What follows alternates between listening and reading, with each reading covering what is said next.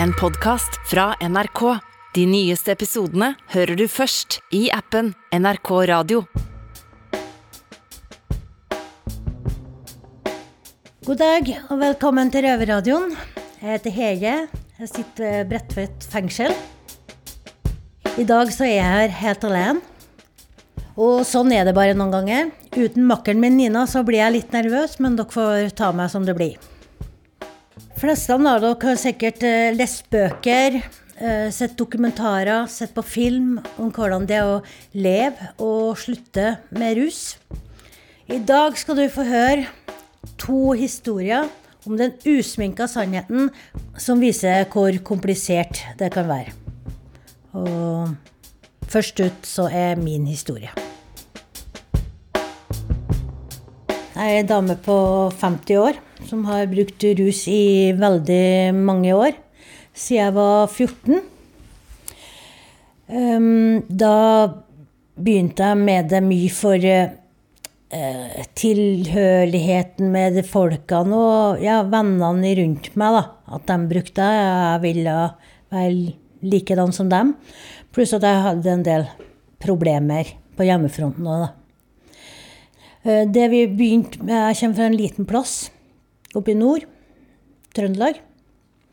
Eh, der, eh, der, så, der begynte vi med sniffing da når jeg var 14 år. Det gikk ut på kaskolim og tipp topp sykkellim. Noe som gikk an da, som ikke går an nå. Vi var en fast gjeng på ja, ti stykker eller noe sånt, som ja, hang sammen hver dag, da. Og ofte så treftes vi nede i skogen da og ja, sniffa. På, vi hadde sånne faste sniffeplasser. Så det var ikke riktig hver dag, men det var ganske ofte, kan jeg si. Første gangen jeg røyka hasj, det var i niende klasse, tror jeg gikk i. Da var jeg vel 14 Nei, 15 år. 15 år. Eh, det var i langfreminuttet på skolen, faktisk. Um, og ja, det var første gangen. Veldig spennende. Um, etter det så ble det mye tabletter. Uh, for vi hadde en lege som skrev ut tabletter til oss. For uh, som sagt, oppi der så var det, det var ikke noe amfetamin og heroin i den tida oppe i Trøndelagen der. Så ble det mye pillespising og litt hasjrøyking. Eh, etter hvert så gikk jeg over til mm, amfetamin. Jeg gikk den tradisjonelle veien fra piller og hasj og stoppa med heroin. tenker jeg. Når jeg begynte med amfetamin, da, så var det sånn at det, eh, det begynte med festbruk. Og da var vi en gjeng som uh, brukte det, faktisk. Og så etter hvert da, så ble helga lenger og lenger. Så den liksom begynte ofte om onsdagen og slutta på mandagen. Så det var liksom bare tirsdagen eller et eller annet sånt etter hvert, da. Så det ble veldig heftig. Det var i begynnelsen på 90-tallet, da det kom uh, veldig mye amfetamin oppi der. I rundt den tida så fikk jeg mm, en datter. Og da var jeg jo nykter i det året, så jeg gikk gravid med hun. Og ett år etterpå da dro vi på Roskildefestival, og der eh, så tok vi litt av ble det amfetamin. Det var faktisk etter jeg fikk dattera mi at jeg prøvde heroin òg for første gang. Fordi at um, egentlig var jeg sånn makkafriker, som vi kaller det. Men um, uh, jeg ble så Du får så veldig nedtur på det, så jeg ble så veldig deprimert. Sånn sjølmordstanker og grining og alt mulig vil jeg ikke leve og alt sånn. Så da så var det det, det kom litt heroin der etter hvert òg, oppi der, Trøndelag. Og da så tok jeg det som en For å lande etter det. Og da når jeg tok første sprøyta der, så tenkte jeg at dette er stoffet mitt. Dette, da følte jeg meg hjem og trygg på meg sjøl og alt det der. Topp av the world, liksom. Eh, men altså, det gikk jo ikke bra å kombinere småbarns, eh, småbarnsmamma og, og narkotika. Så det ble etter hvert slutt mellom meg og faren til dattera mi. Og så kom barnevernet inn i bildet, og eh, vi ble, jeg dro på mødrehjem da, sammen med dattera mi. Jeg var begynnelsen på 20-åra. Jeg var ikke helt eh, innstilt på å slutte. Det høres rart ut, i og med at jeg hadde en datter, og da skal du jo ha mer enn grunn nok for å slutte. Jeg har òg familie som er, står meg veldig nær og støtter opp, og var, var kjempetopp. Så jeg hadde jo all grunn, egentlig. Men altså, du må slutte for deg sjøl, ikke for noen andre. Jeg er ikke stolt over å si det, absolutt ikke. Eh, men jeg valgte heroin foran dattera mi. Eh, det tror jeg det er mange som gjør, og har gjort. Det er helt forferdelig, men det sier litt om hvor sterk det, den rusen er, da. Så etter hvert når jeg var på mødrehjemmet en stund, så Der eh, sprakk jeg og sånne ting, så vi ble sendt tilbake Jeg ble kasta ut derfra. Eh, Dattera mi flytta til faren sin en stund, og så etter hvert så flytta hun til moren min. Det var moren min og faren min som hadde delt, så jeg var veldig heldig sånn da hun fikk være i familien, da. Da gikk det ganske ja, vilt for seg noen år, så klart.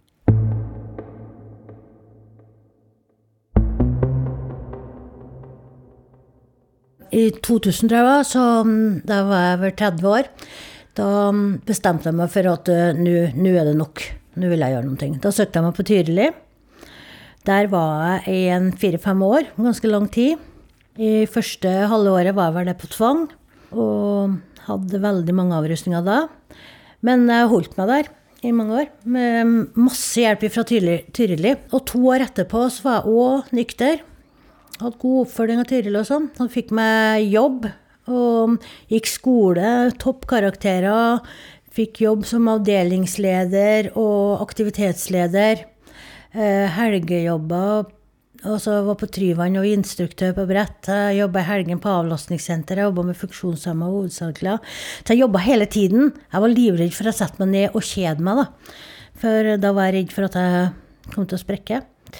Eh, men jeg gikk jo på veggen til slutt, da. Det ble for mye. Eh, altså, jeg jobba hver dag. Jeg gikk på skolen om dagene en stund, og så jobba jeg på kveldene og de dagene jeg hadde fri, og i helgen jobba jeg. Så det ble veldig mye. Eh, så gikk jeg ja, rett på i veggen, ja. Skikkelig deprimert. Begynte å spise noe Sobril. Så begynte jeg å kjøpe meg noen Sobril attåt òg. Og så ja, kosa meg med justering med heroin, liksom. Så det, jeg har brukt sju år på å bygge meg opp og få meg å bli nykter og få leilighet og alt på stell. Jeg tror jeg har brukt uh, to måneder på å miste alt sammen igjen. Ja. Mista jobben, mista leiligheten, mista møbler, mista alt som jeg hadde. Alt jeg hadde, var PC og noen klær i en bag når jeg dro hjemmefra. Fra et møblert hjem jeg hadde ordna meg i Oslo. Så det var litt trist. Da gikk jeg skikkelig i kjelleren. Um, etter det så ble jeg veldig, var jeg mye kriminalitet. Jeg havna på VIK-lista. Og det betyr at du er masse ut og inn fra fengsel hele tiden. Blir ført opp av politiet. Jeg var veldig kriminell og ja, mye dop. Mye dopsalg og mye ut og inn av fengsel, som sagt. Jeg prøvde vel noen uh, turer innom. Jeg var vel på Fredheim en tur, og jeg var på Ulvin en tur. Jeg var på Nesodden på Østeråt en tur. Jeg var på avdeling voksen en tur. På behandling. Lengst jeg var en plass, var vel kanskje ni måneder eller noe sånt, tror jeg. For at uh, jeg ville, men det var sånn bob-bob. Så jeg tenker at du må nå skikkelig bånd, da, før uh, fleste i hvert fall må nå skikkelig bunnen, da. For uh, han må bli ferdig med ruslivet, liksom. Og det er ikke så enkelt, for uh, det er det alt du er vant med. Kompisene dine er der, og det er alltid rundt deg, ikke sant. Det blir en livsstil. Du må forandre helt på, du skal skifte kam... Du må ja, skifte venner, du må få deg jobb. Du må gjøre alt som du ikke er vant motsatt enn det du er vant til. Og det har jeg syntes vært veldig vanskelig, i hvert fall. For jeg, jeg, har jo egentlig jeg har jo trivdes med det livet òg, hvis en kan skjønne. Jeg har hatt det mye morsomt. Men jeg har jo òg selvsagt hatt mye negativt òg. Som eh, ja, det med familien min og dattera mi, at jeg svikta dem, det, det er jo det verste jeg har gjort. Men jeg har fortsatt veldig god kontakt med dem, da. Innsatte i norske fengsler lager radio. Du hører Røverradioen i NRK P2.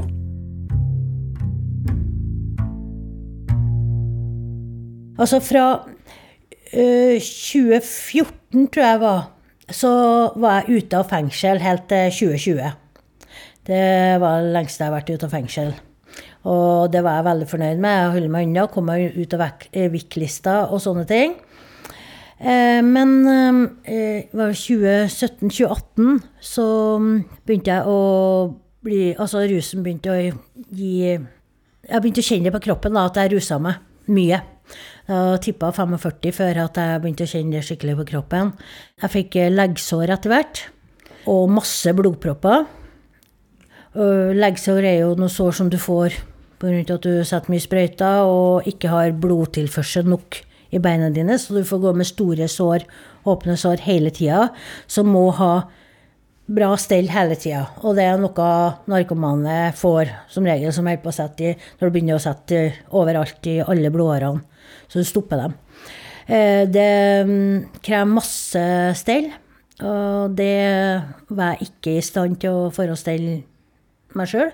Altså, jeg kom meg ikke på, av sted da, for å få til å stelle annenhver dag som jeg skulle gjøre, eller helst hver dag. Ble jeg gatehospital, sykepleier på hjul, Frelsesarmeen, feltsykepleieren og sykehus.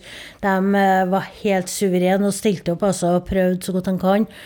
Og jeg hadde hjemmesykepleieren som kom hjem til meg med medisiner. Men jeg havnet i en vond sirkel der jeg rusa meg masse, for jeg hadde så mye vondt. Så gikk det en uke siden, så ble jeg lagt inn på sykehuset og kanskje sendt på gatehospitalet etterpå. Og var der litt stund. Måtte dra på feltplen annenhver dag. Datt ut derfra igjen. Og så tok jeg en uke eller to, så fikk jeg blodpropp igjen. Og så kom jeg meg til legevakta, eller hjemmesykepleien kom hjem til meg, og så sendte jeg meg på sykehuset. Og det var en, de to siste årene før, ja, fra 2018 da, til 2020, så var dere hele tida, da. Og sommeren 2020 så sa de det at med, For jeg hadde så mye infeksjoner i kroppen, hele tida gått med det hele tida i to år. Og de sa det at jeg kom ikke til å berge til jul hvis jeg ikke gjorde noe drastisk. Slutta nå pga. infeksjonene kom til å ta livet av meg. Så jeg var i en veldig vond sirkel da, og rusa meg masse fordi jeg hadde masse smerter. Eh, såpass gammel i kroppen, for jeg begynte jo å nærme meg 50 òg. Så kroppen var kjempesliten. Eh, jeg lå mest hjemme med blodpropper og grein og hadde vondt og bare tok medisin. Så jeg, jeg, så meg ikke når for jeg klarte å slutte. Men så ble jeg arrestert da, i 4.9. i 2020. Og det var hell i uhell, kan jeg si. Eh, hadde jeg ikke blitt arrestert da, så hadde jeg ikke sittet her nå. For eh, det ga meg en sånn tvang. Må, da måtte jeg jo slutte. Måtte. Ravneberget fengsel, der jeg satt først, der var de veldig flinke til å stelle foten min. Det er en sykepleier der som kan veldig mye om leggsår, da, som er typisk sånn eh, narko... Alle narkomane vet hva jeg snakker om da, i hvert fall. Og, og det er ikke bra. Eh, fleste mister faktisk foten av det. Amputere. Største prosenten som amputerer beina, det er pga. leggsår. På Ravneberget der så fikk jeg stelt beinet.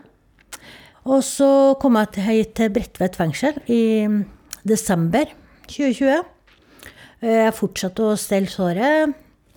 Det var fortsatt ikke bra. Så det tok et år, da, for at det var grodd. Og det begynte å bli bra.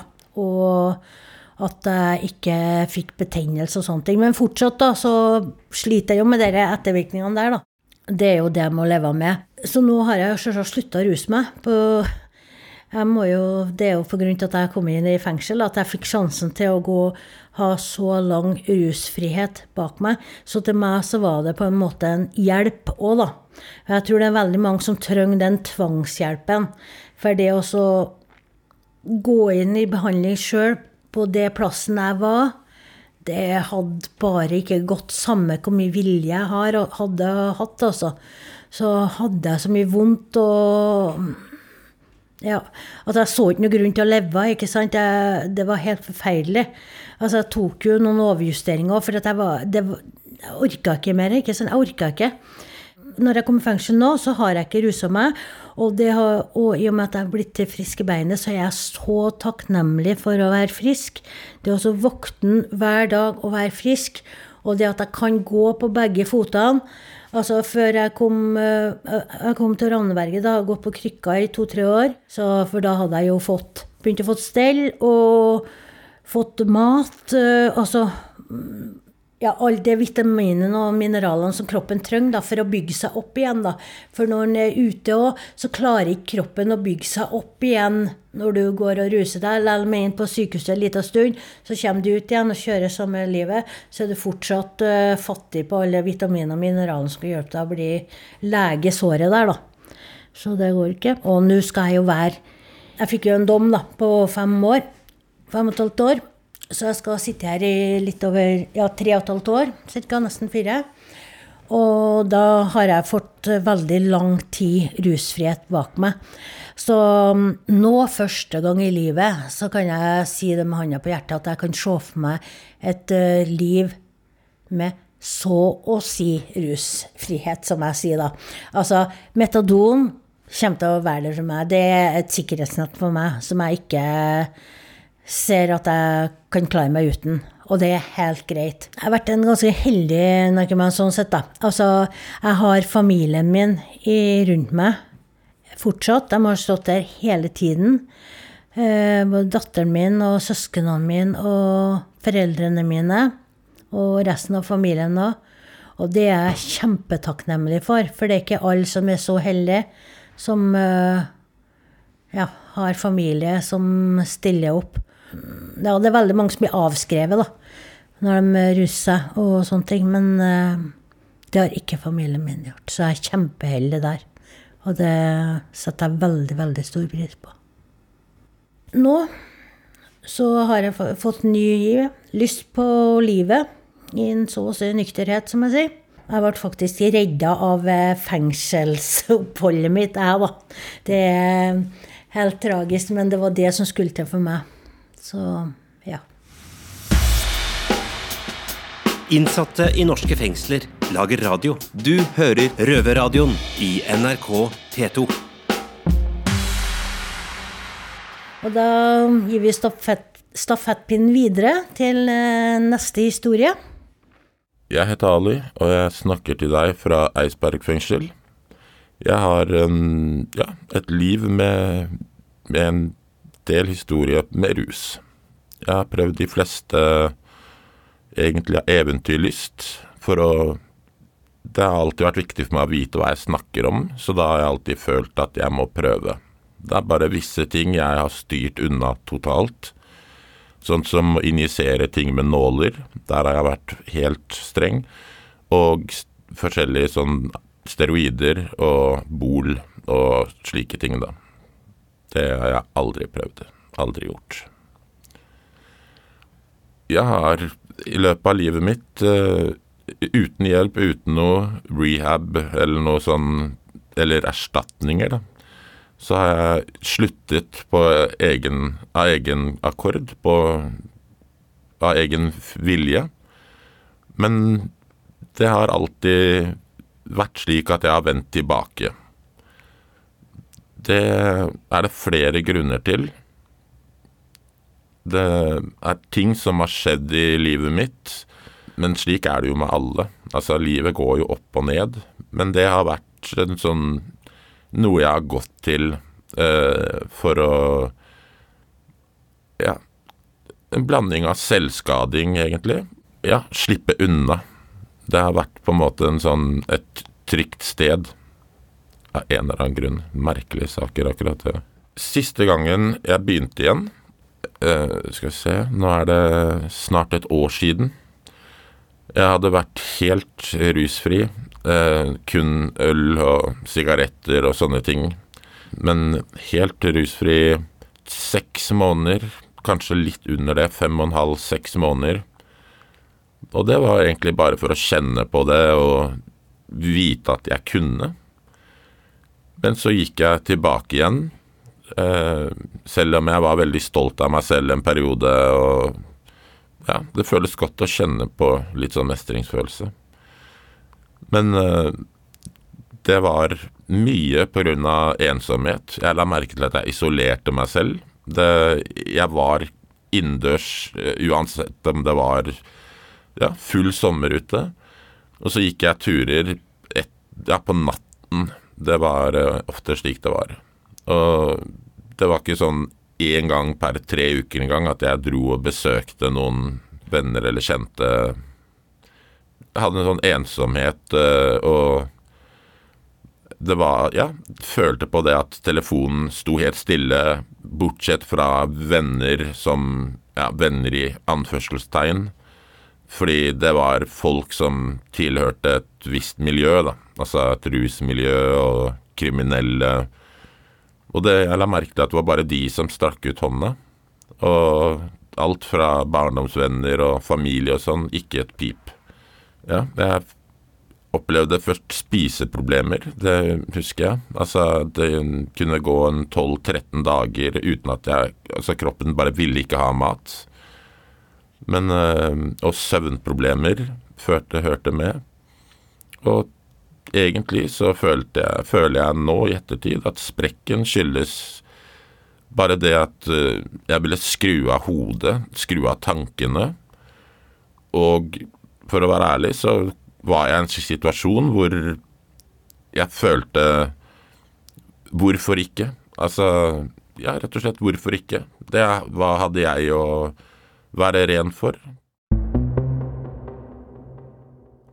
Altså, fristelsen med rus Der er det noe inni meg, og det tror jeg veldig mange kan forholde seg til. Ofte så blir det en livsstil det er slik at man nesten ikke klarer å se for seg det å ikke uh, være i den formen. Altså akkurat som det å røyke Altså at man røyker selv om Ja, på, ja nesten på automatikk, da. Det,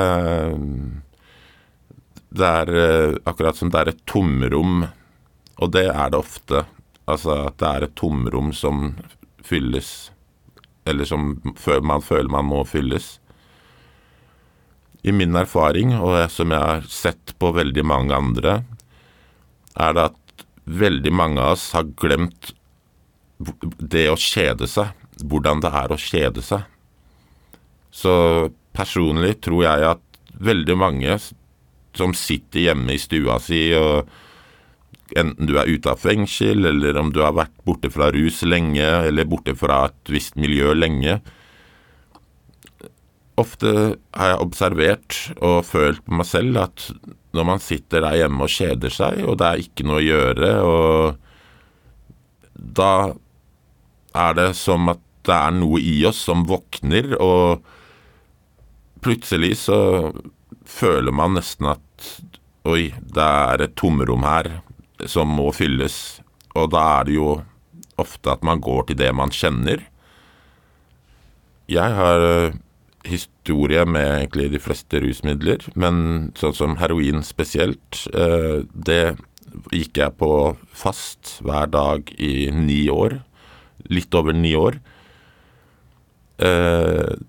Jeg slutta på dagen, det hører jo med historien, og er fri den dag i dag. Så det er lagt bak meg. Men for meg så tror jeg det er som for veldig mange andre. At heroin blir vel, Det blir som en fulltidsjobb. Altså, det, det blir Det blir livet ditt. Det er noe du velger. Men grunnen til jeg gikk dit, til den brønnen, for å si det sånn, det var fordi ja, altså Jeg føler Altså, jeg hadde en dyp, dyp sorg. Det hadde gått blitt slutt med samboer eh, over seks år. Ehm, jeg mista kontakt med barna mine. Og det her var før jeg begynte på, med heroin fast. Jeg hadde prøvd det tidligere, men bare gått vekk fra det. Så det var eh, egentlig mest for å skru av hodet. For å slippe å tenke, slippe å føle. Fordi livet rundt meg var bare en stor ruin. Og så føler jeg at selvskading eh, skal også nevnes her. Fordi ofte så ønsker man seg selv vondt.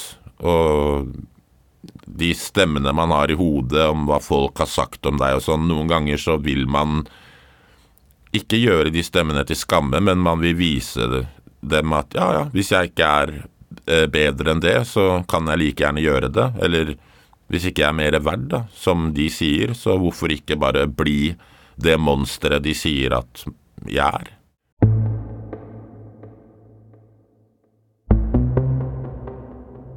Den fristelsen tror jeg alltid vil være der. Og der deler eh, folk med rushistorikk mye eh, Der har vi mye felles med f.eks. alkoholikere. Fordi som jeg har nevnt tidligere, så er det Det blir ofte en livsstil. Det, det reflekteres i, på så mange måter. Det, og man har et bare at man koser seg med om du ja, om du tror du koser deg med rusen, eller om det er en sånn manisk at du må jage den rusen hele tiden. Så Men for min del så kan det gå begge veier. Jeg vet godt i hjertet mitt at jeg trenger ikke å ruse meg et, et sekund i livet mitt videre. Men samtidig så klarer jeg ikke å se egentlig så mange grunner til hvorfor. Jeg har ikke Det er ikke noe sånn gulrot der lenger at hvis jeg bare oppnår et visst nivå ikke sant, og blir som alle andre, da vil ikke sant, det et eller annet skje. Så dessverre så er det sånn at jeg tror jeg har mista for mye i livet mitt, eh, og det er ikke av rusårsaker. Men ja. Nei, jeg har 10 000 gode grunner til å fortsette å ruse meg, men det å finne den ene grunnen til å si nei, det er mitt problem, egentlig.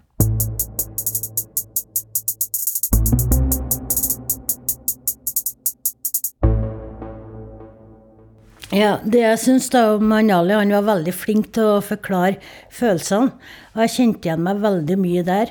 Det er der om uh, sjølskading. Han fortjener, fortjener ikke å ha det noe bedre. Og ja, den isoleringa og ensomheten og det å unngå folk som en føler når en skal være nykter, da. Fordi at uh, nykterhet er noe jeg ikke kan, mens det er livsstilen som rus, og med rusvenner, alt det er noe han kan og noen er vant til. Så alt annet blir liksom Har blitt meningsløst, da, har jeg jo kunnet følt, da. Så jeg kjenner igjen meg veldig mye han sier. Det hovedgrunnen nå er for uh, jeg skal slutte. Da vet jeg at det riktige egentlig er å si familien. Men uh, nå har jo helsa kommet, så det er jo det som er det hovedårsaken nå, da. For at jeg ikke har lyst til å dø en lang og smertefull død. Som eh, det står på røykpakken. Men ja. Så jeg kjente meg igjen i veldig mye han eh, Ali sa, altså. Gjør jeg.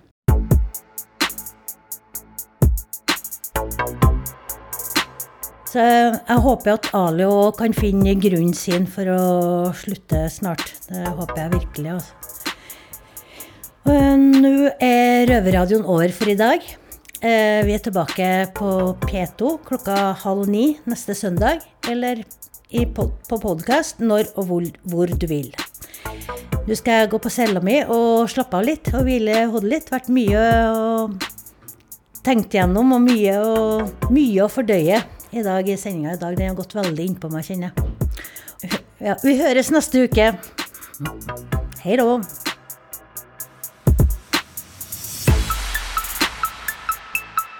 Røverradioen er laga for og av innsatte i norske fengsler.